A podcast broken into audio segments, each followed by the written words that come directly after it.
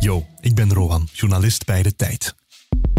En dit is onze Start to Imo podcast. In zeven afleveringen stomen we je helemaal klaar voor de aankoop van je eerste eigen woning. Je weet intussen waarom, wanneer en hoe je je moet voorbereiden op een aankoop. Nu gaan we recht op ons doel af. Dit is aflevering 4. De race naar een aankoop.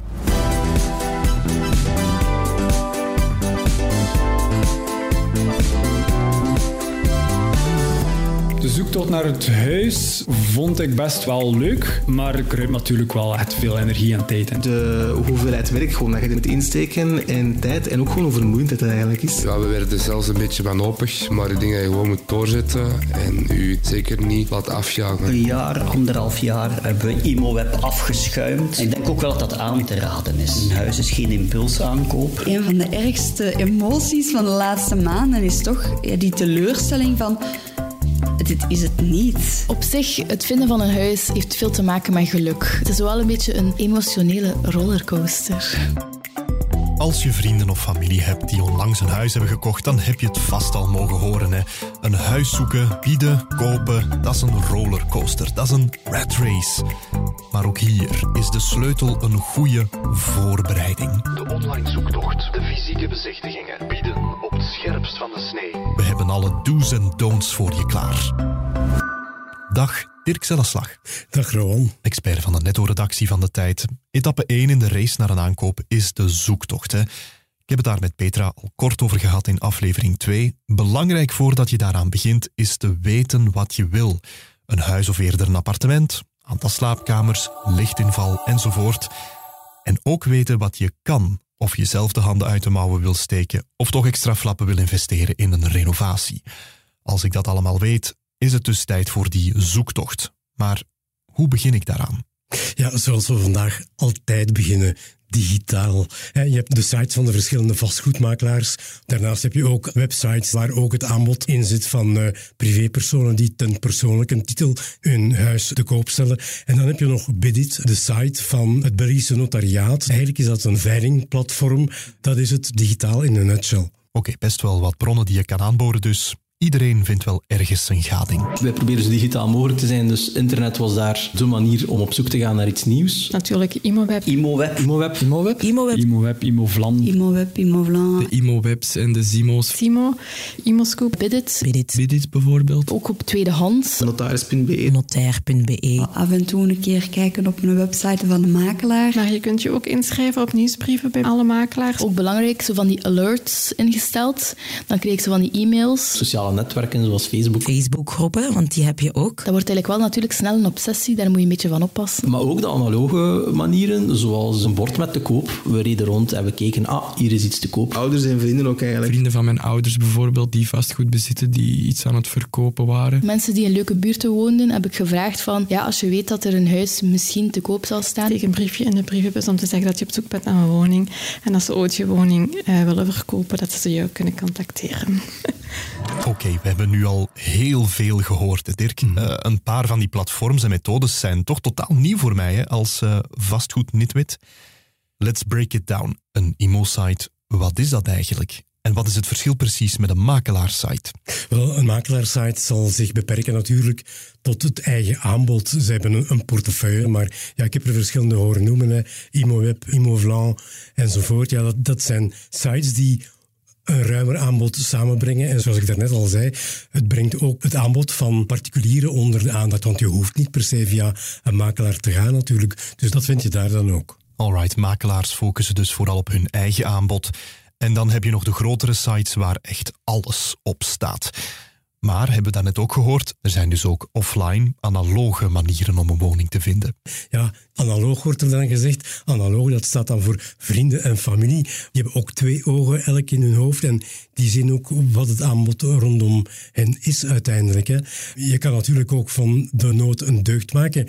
Je springt op de fiets of je gaat wandelen en je kijkt wat er te koop staat. Want ja, zo gebeurde het vroeger. Het is misschien zelfs beter als je het analoog doet, want dan, dan zie je onmiddellijk de locatie ook.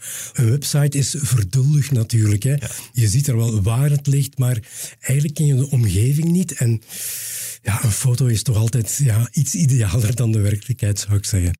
Altijd ook even in het echt gaan checken dus. En zeker ook bij vrienden en familie te raden gaan. Logisch allemaal, hè? maar eh, toch een belangrijk advies om even expliciet mee te geven.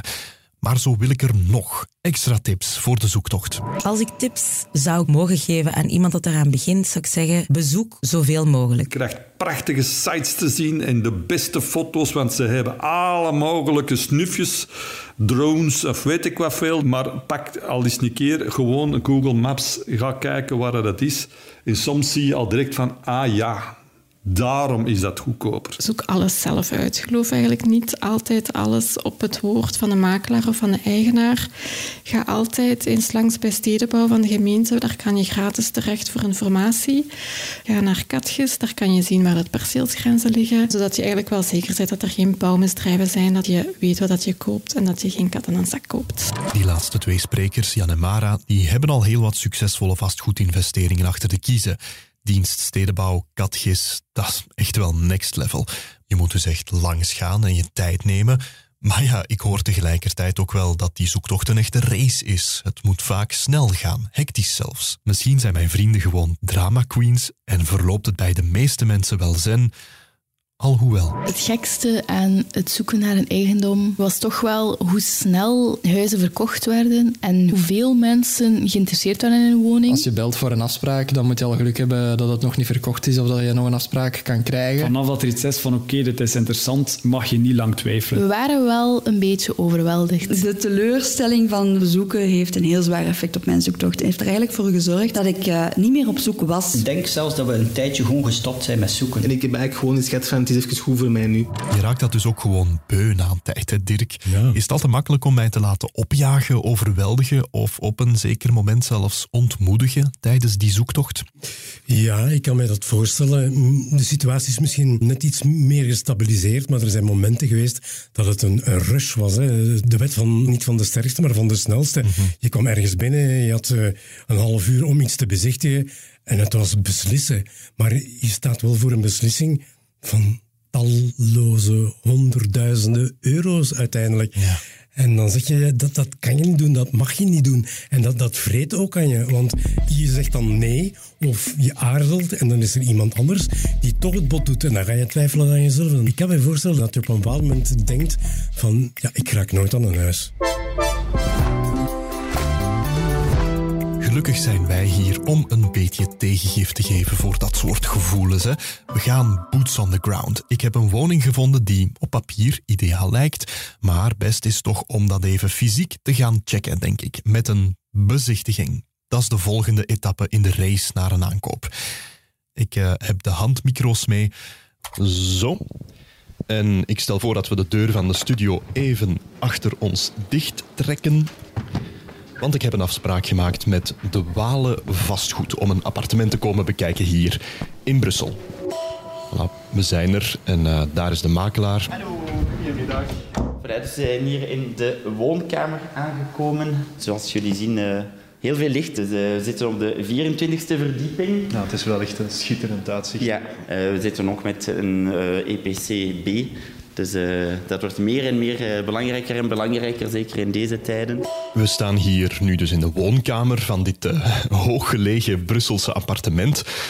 Zo'n bezichtiging. Ik wil eerst nog even snel weten hoe dat gaat. Gelukkig zijn veel mensen mij al voorgegaan. Ik vind bezichtigingen super fijn. Ze zeggen altijd vanaf het moment dat je de deur binnenstapt, weet je of iets, iets is voor jou of niet. En dat is ook effectief waar. Als je daar naartoe gaat, dan denk je, ik ga kijken in alle hoeken, alle kantjes, om te zien dat er geen waterplekken zijn en zo verder. Een architect mee die je kan begeleiden en u kan effectief kan zeggen of bepaalde dingen structureel in orde zijn of niet. De foto's op de IMO-site van ons huis waren echt super onrealistisch. Dus op de bezichtiging waren er eigenlijk heel veel mensen die daar stonden en dachten van Oei. Zeker letten op elektriciteitswerken, leidingwerken en heel goed ruiken als je binnen gaat in woningen. Want als er iets mis is aan de riolering, dan valt dat heel direct op. En dan nog proberen mensen dat te camoufleren met een oven aanzetten met iets of met geurkaarsen. Daar gaan we ons dus niet meer door laten vangen. Ik heb opnieuw veel redenen gehoord om een interessante woning ook echt te gaan bezoeken, bezichtigen. Maar ik wil ook van jou nog wat tips, Dirk. We zijn hier nu. Ik heb misschien wel een stevige klik met dit pand, hè, maar ehm, ja, als ik wat afstand neem, even heel rationeel wordt, zo'n bezichtiging, hoe pak ik dat dan best aan? Wel, die klik, hè, je hebt zelf het woord ook al gebruikt, je moet je goed voelen bij die woning, maar uh, je moet ook altijd voor jezelf uitmaken waarom ben ik zo enthousiast en is dat ook het belangrijkste in die woning, hè, want die kan blij zijn met de lichtinval, die is hier bovenin zeer mooi. Het zicht is ook heel mooi. Ik raak er zo een beetje van, afgeleid. maar ja, als het putteke stinkt, zal ik maar zeggen, of als de elektriciteit niet goed werkt, ja, dan zit je met een probleem. Ik denk vandaag top of mind, dat is het energetische aspect. We hebben gezien, hier zitten we goed. We hebben hier een, een B-label op onze EPC. Veel beter kan niet. Ja, en die lichtinval, ja, daarom moet je natuurlijk ook overdag gaan. Hè. Dat is nog een concrete tip. Uh, bezoek nooit een woning wanneer het buiten donker is. Uh, even verder met de bezichtiging. Een open keuken, deze zo wat half open. Vaatwasser, een uh, elektrische kookplaat. En dan nog een goede raad die uh, in aflevering 2 bij je collega Petra al kort is gepasseerd, Dirk, is dat ik naar zo'n bezichtiging best iemand meeneem. Een van onze spreeksters vermeldde dat daarnet ook even. Leg dat eens wat beter uit, Dirk. Hoe en waarom zou ik dat doen? En wat voor iemand moet dat dan zijn, die medebezichtiger? Wel, ik zou zeggen, begin in eerste instantie eens rond te kijken in je eigen familie. Er is misschien wel een oom die architect is of een neef die aannemer is. Ja, dat zijn interessante mensen om mee te nemen voor een bezichtiging. Is er zo niet meteen iemand voorhanden, ja, dan kan je nog altijd richting een professional kijken die je betaalt. Dat zal je al gauw misschien wel enkele honderden euro's kosten. Maar ja, als je daarmee problemen van vele tienduizenden euro's kan uitsparen, ja, dan ben je goed bezig geweest natuurlijk. Maar uh, los van die experts kan je misschien ook een aantal ervaringsdeskundigen meenemen. Hè. Ik zou graag enkele van die mensen meenemen die we daarnet gehoord hebben, want die hebben het allemaal al doorgemaakt. Die weten intussen waar ze moeten naar kijken en zeggen, daarom, daarom, doen we het of doen we het niet. Ja, ga dus niet alleen op zoek naar een expert om mee te nemen naar je bezichtiging, maar denk misschien ook eens gewoon aan een ervaringsdeskundige uit je vriendenkring of zo. Uh, iemand die zelf ook nog maar net gekocht heeft en die het allemaal al gedaan heeft. Verder met de tour. Voilà, dan gaan we verder naar de slaapkamers. Komen hier een apart toilet in de gang. En dan gaan we doorlopen naar de slaapkamer zelf. Zeg maar, uh, Dirk, over dat checken en dubbelchecken bij de bezichtiging. Als er echt iets mis is met de woning, kan de eigenaar of makelaar dat dan zomaar verzwijgen? Nee, dat kan die eigenlijk niet. Hè. Er is een meldingsplicht voor gebreken. En als je die gebreken niet meldt, dan kan de koper een vordering instellen uiteindelijk. De koper moet dan wel bewijzen dat het een ernstig gebrek is, dat het de bewoonbaarheid in het gedrang brengt. En hij moet ook uh, kunnen bewijzen dat dat gebrek er al was bij de aankoop. Ook nog eventjes aan toevoegen, er moet onderscheid gemaakt worden tussen eigenaars die zelf hun woning verkopen en uh, professionele verkopers. En in die laatste categorie is het niet aan de kopers om het gebrek te bewijzen, maar aan de verkopers dat ze het gebrek echt niet konden kennen ondanks hun professionele kennis, zal ik maar zeggen. Uh, maar laten we ervan uitgaan, vastgoedmakelaars zijn professionelen. En dan hebben we een terras. Is het uh, dubbel glas, driedubbel? Uh, het is dubbel glas, geen driedubbel. Ja, had gekund, hè. Makelaars zijn professionelen, zeg je. Daar uh, gaan we inderdaad vanuit, hè, Dirk. En ik kijk even over mijn schouder, nu we hier alleen op het terras staan. Hij is even niet in zicht, het is een goeie, hè. Maar ik wil het toch even over die makelaars hebben, in het kader van onze zoektocht. Ja. We hebben van veel van onze sprekers gehoord dat een goede makelaar goud waard is. En zo zijn er gelukkig veel, maar het is misschien niet altijd zo. En er worden ook trucjes toegepast. Hè. Die zijn niet verboden, maar het is toch goed om die op voorhand al een beetje te kennen. We hadden iemand mee die er iets van kende en die zei van die kast moet volledig herwerkt worden. Zoveel duizend euro heb je nodig. En die imamakelaar houdt vol dat er geen probleem is. Ja, dat is gewoon niet fijn. Die makelaar zei van, als je het wilt hebben, zul je nu moeten toehappen. Natuurlijk, die kunnen vertellen wat dat ze willen. Toen we daar aankwamen op het bezoekmoment, stonden er vijf koppels voor de deur die allemaal op hetzelfde moment een afspraak hadden. En die makelaar had er niet beter op gezien dan op die manier te proberen de mensen wat tegen elkaar op te zetten. Iedereen ongeveer tegelijk. Dat is ook volgens mij een psychologisch spel, zodat je druk voelt van de andere aanwezigen. Om nu weet je wel dat ze dat doen, om een beetje druk te zetten. En ik moet zeggen, bij het huis dat we uiteindelijk gekocht hebben, heb ik het spel zo hard meegespeeld. Ik was dan zo wel van... Oei, een scheur. En zo iets te luid om de anderen te beïnvloeden. Dat is heel flauw, maar ja, als je zo al even aan het zoeken bent, ja, dan is dat wat je wordt. Dan is dat wat je wordt. het spel kan je dus helemaal rot maken van binnen, blijkbaar. Uh, hoe kijk jij daarnaar, Dirk? Dat soort tactieken van makelaars?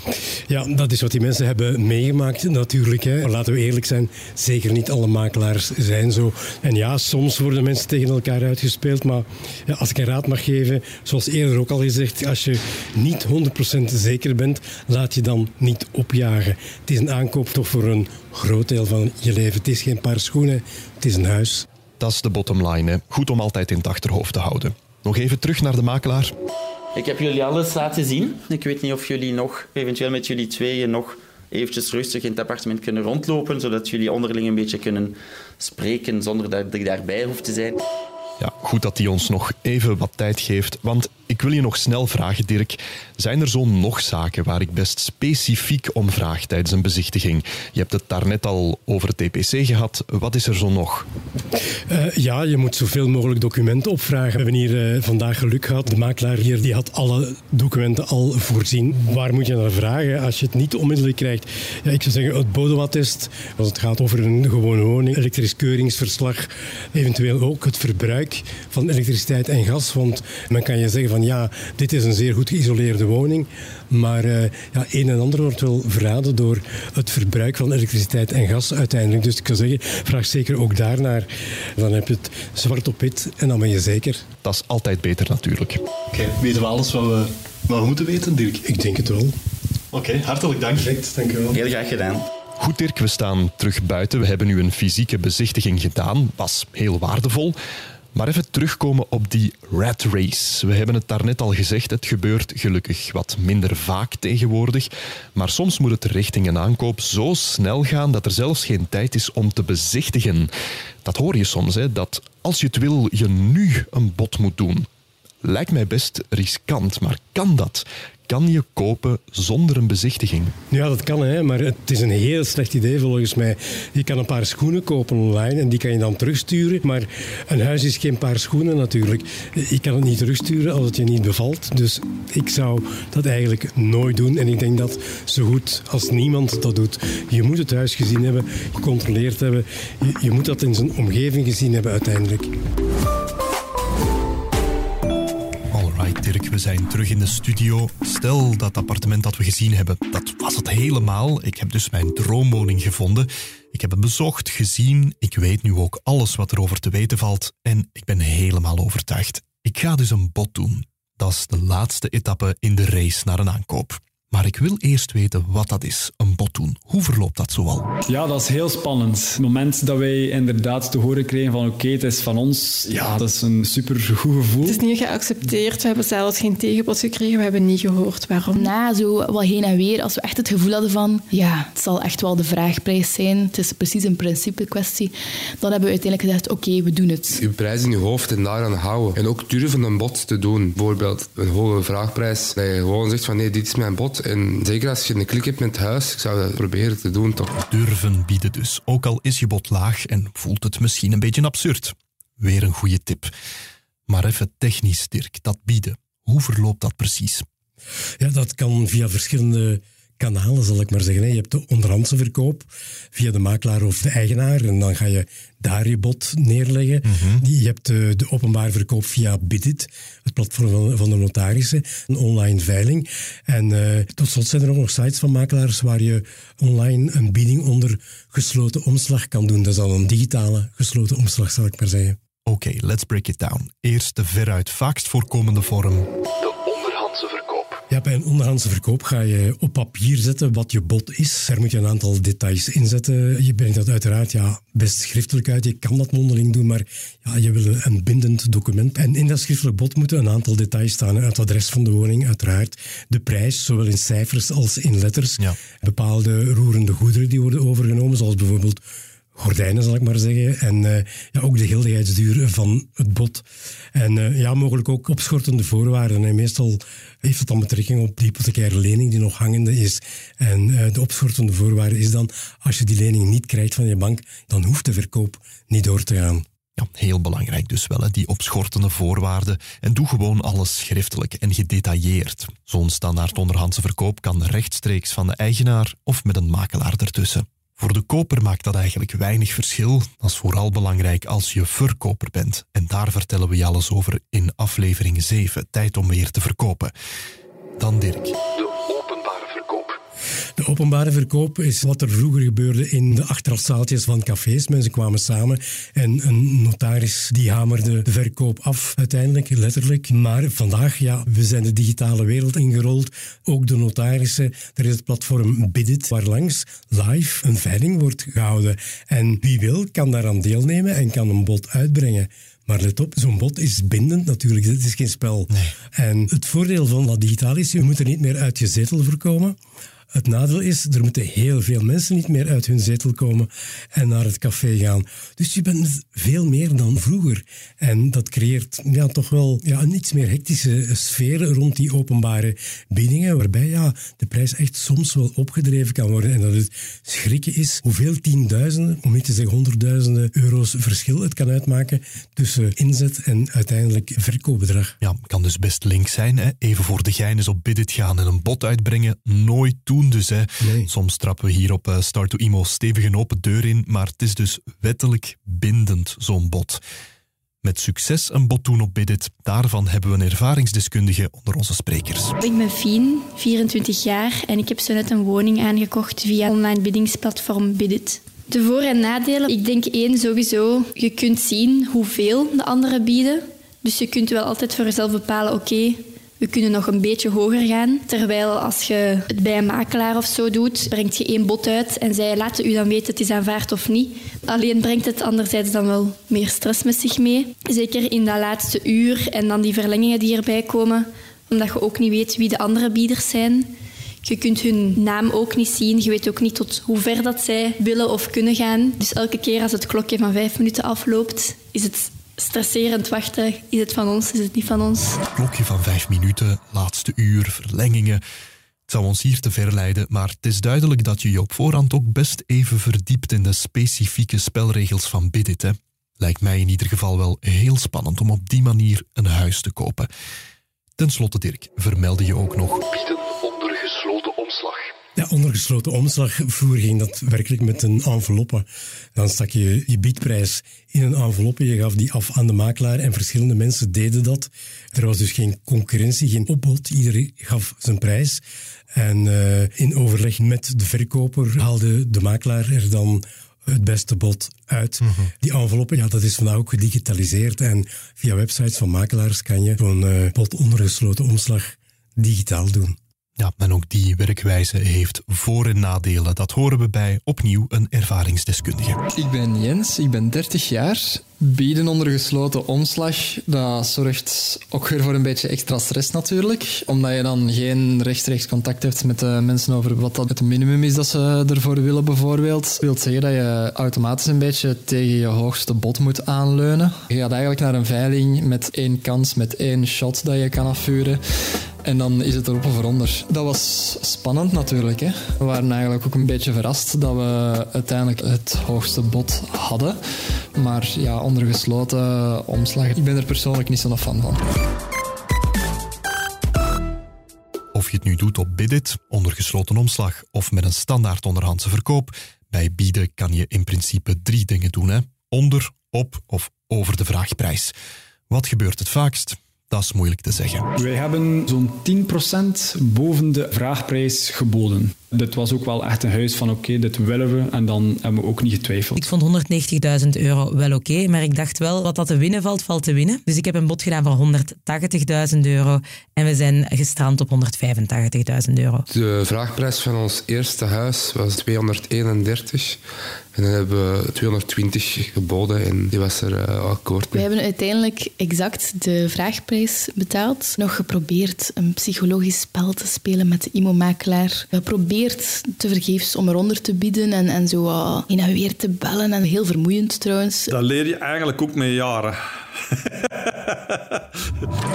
ja, het kan dus een uh, soort spel worden, hè? dat bieden en tegenbieden. En voor sommigen is het ook net dat wat het zo vermoeiend maakt eronder, erop of erover, Dirk, dat is vaak maar de eerste stap. Hè. Mhm. Soms volgt er een opbod, soms een tegenbod, soms springt het af. Zeg eens even heel simpel, wat kan er eigenlijk allemaal gebeuren zodra ik een bod uitbreng? Als je je bod hebt neergelegd, kan er altijd iemand een hoger bod indienen. Of wat ook soms gebeurt, is dat de verkoper een tegenbod doet. Als jij een bod doet en het wordt aanvaard, dan is dat bod bindend. Als de verkoper een tegenbod doet, dan wordt die bindendheid eigenlijk verbroken en dan ben jij weer aan zet. Hm, bindend, opnieuw, dat is een belangrijk woord. Hè. Zodra je geboden hebt, ben je wettelijk gebonden aan de prijs die je hebt genoemd. Mocht die worden aanvaard, is het meteen officieel. En bij een tegenbod geldt dat ook, maar dan zijn de rollen van koper en verkoper even omgekeerd. Ja. Dat spel van bieden en tegenbieden, dat voelt dan als iets wat heel erg afhangt van de persoon tegenover wie ik sta, Dirk, de verkoper dus. Is dat zo? Ja, ik denk dat het altijd een rol speelt. Mensen hebben elkaar graag of hebben elkaar niet graag. De lieve, vriendelijke dame kan een gehaaide verkoper zijn. Verkopers van huizen blijven natuurlijk verkopers. Wat zij willen doen is ja, afgeraken van een goed en liefst tegen een zo hoog mogelijke prijs. Filantropie bestaat in deze niet. Die mensen die willen geld, die willen boter bij de vis. En hoe meer, hoe liever. Nog iets om goed in je achterhoofd te houden tijdens die race naar een aankoop. Dankjewel, Dirk Zelleslag. Graag gedaan, Rowan. Tijd om te herhalen. De race naar een aankoop, de zoektocht, de bezichtigingen, het bieden. Wat is het belangrijkste om te onthouden? Voor de zoektocht zijn er veel online platforms, algemene zoekertjesites, makelaarsites en Bidit. Maar vergeet zeker die goede oude analoge methodes niet. Tijdens het zoeken neem je tijd, laat je niet opjagen en ga vooral in het echt kijken. De klassieker is dan natuurlijk de bezichtiging. Vraag voordien zoveel mogelijk informatie op, van het EPC-attest tot energiefacturen. En kijk tijdens het bezoek goed naar alles wat met isolatie en energiebesparing te maken heeft. Neem iemand mee op die bezichtiging, liefst een kenner. En kweek een dikke huid tegen sluwe verkooptrucs en drukmiddelen zoals groepsbezichtigingen en korte deadlines. Bieden kan vervolgens in het kader van een onderhandse verkoop via makelaar of rechtstreeks van de eigenaar, maar het kan ook via Bidit of onder gesloten omslag. Elke verkoopvorm heeft voor- en nadelen, maar in ieder geval is je bod altijd bindend. En daarmee zit je al over de helft van Start to Imo. Ik wil nog eens even zeggen, hè, goed bezig. Je bent al ver geraakt en je weet intussen al veel. En het allerspannendste moet nog komen. Want nu we de race hebben doorlopen, is tijd voor de finish. Ons bod is aanvaard. Maar eh, wat nu? Wilsovereenstemming, compromis, opschortende voorwaarden, voorschot, akte, postinterventiedossier. Er zijn heel wat stappen die je moet zetten. En dus botsen we je er helemaal door in aflevering 5 van Start to Imo. Bot aanvaard. Wat nu?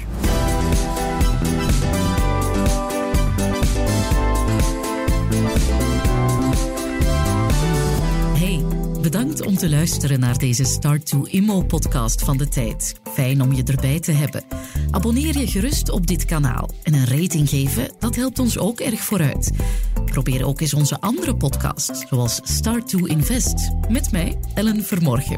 Luisteren kan waar je je podcasts ook haalt. En check zeker tijd.be netto. Daar vind je de laatste netto-gids over vastgoed en onmisbare informatie over investeren en personal finance. Alle credits van deze podcast vind je in de show notes, samen met de structuur van de aflevering en extra leesvoer.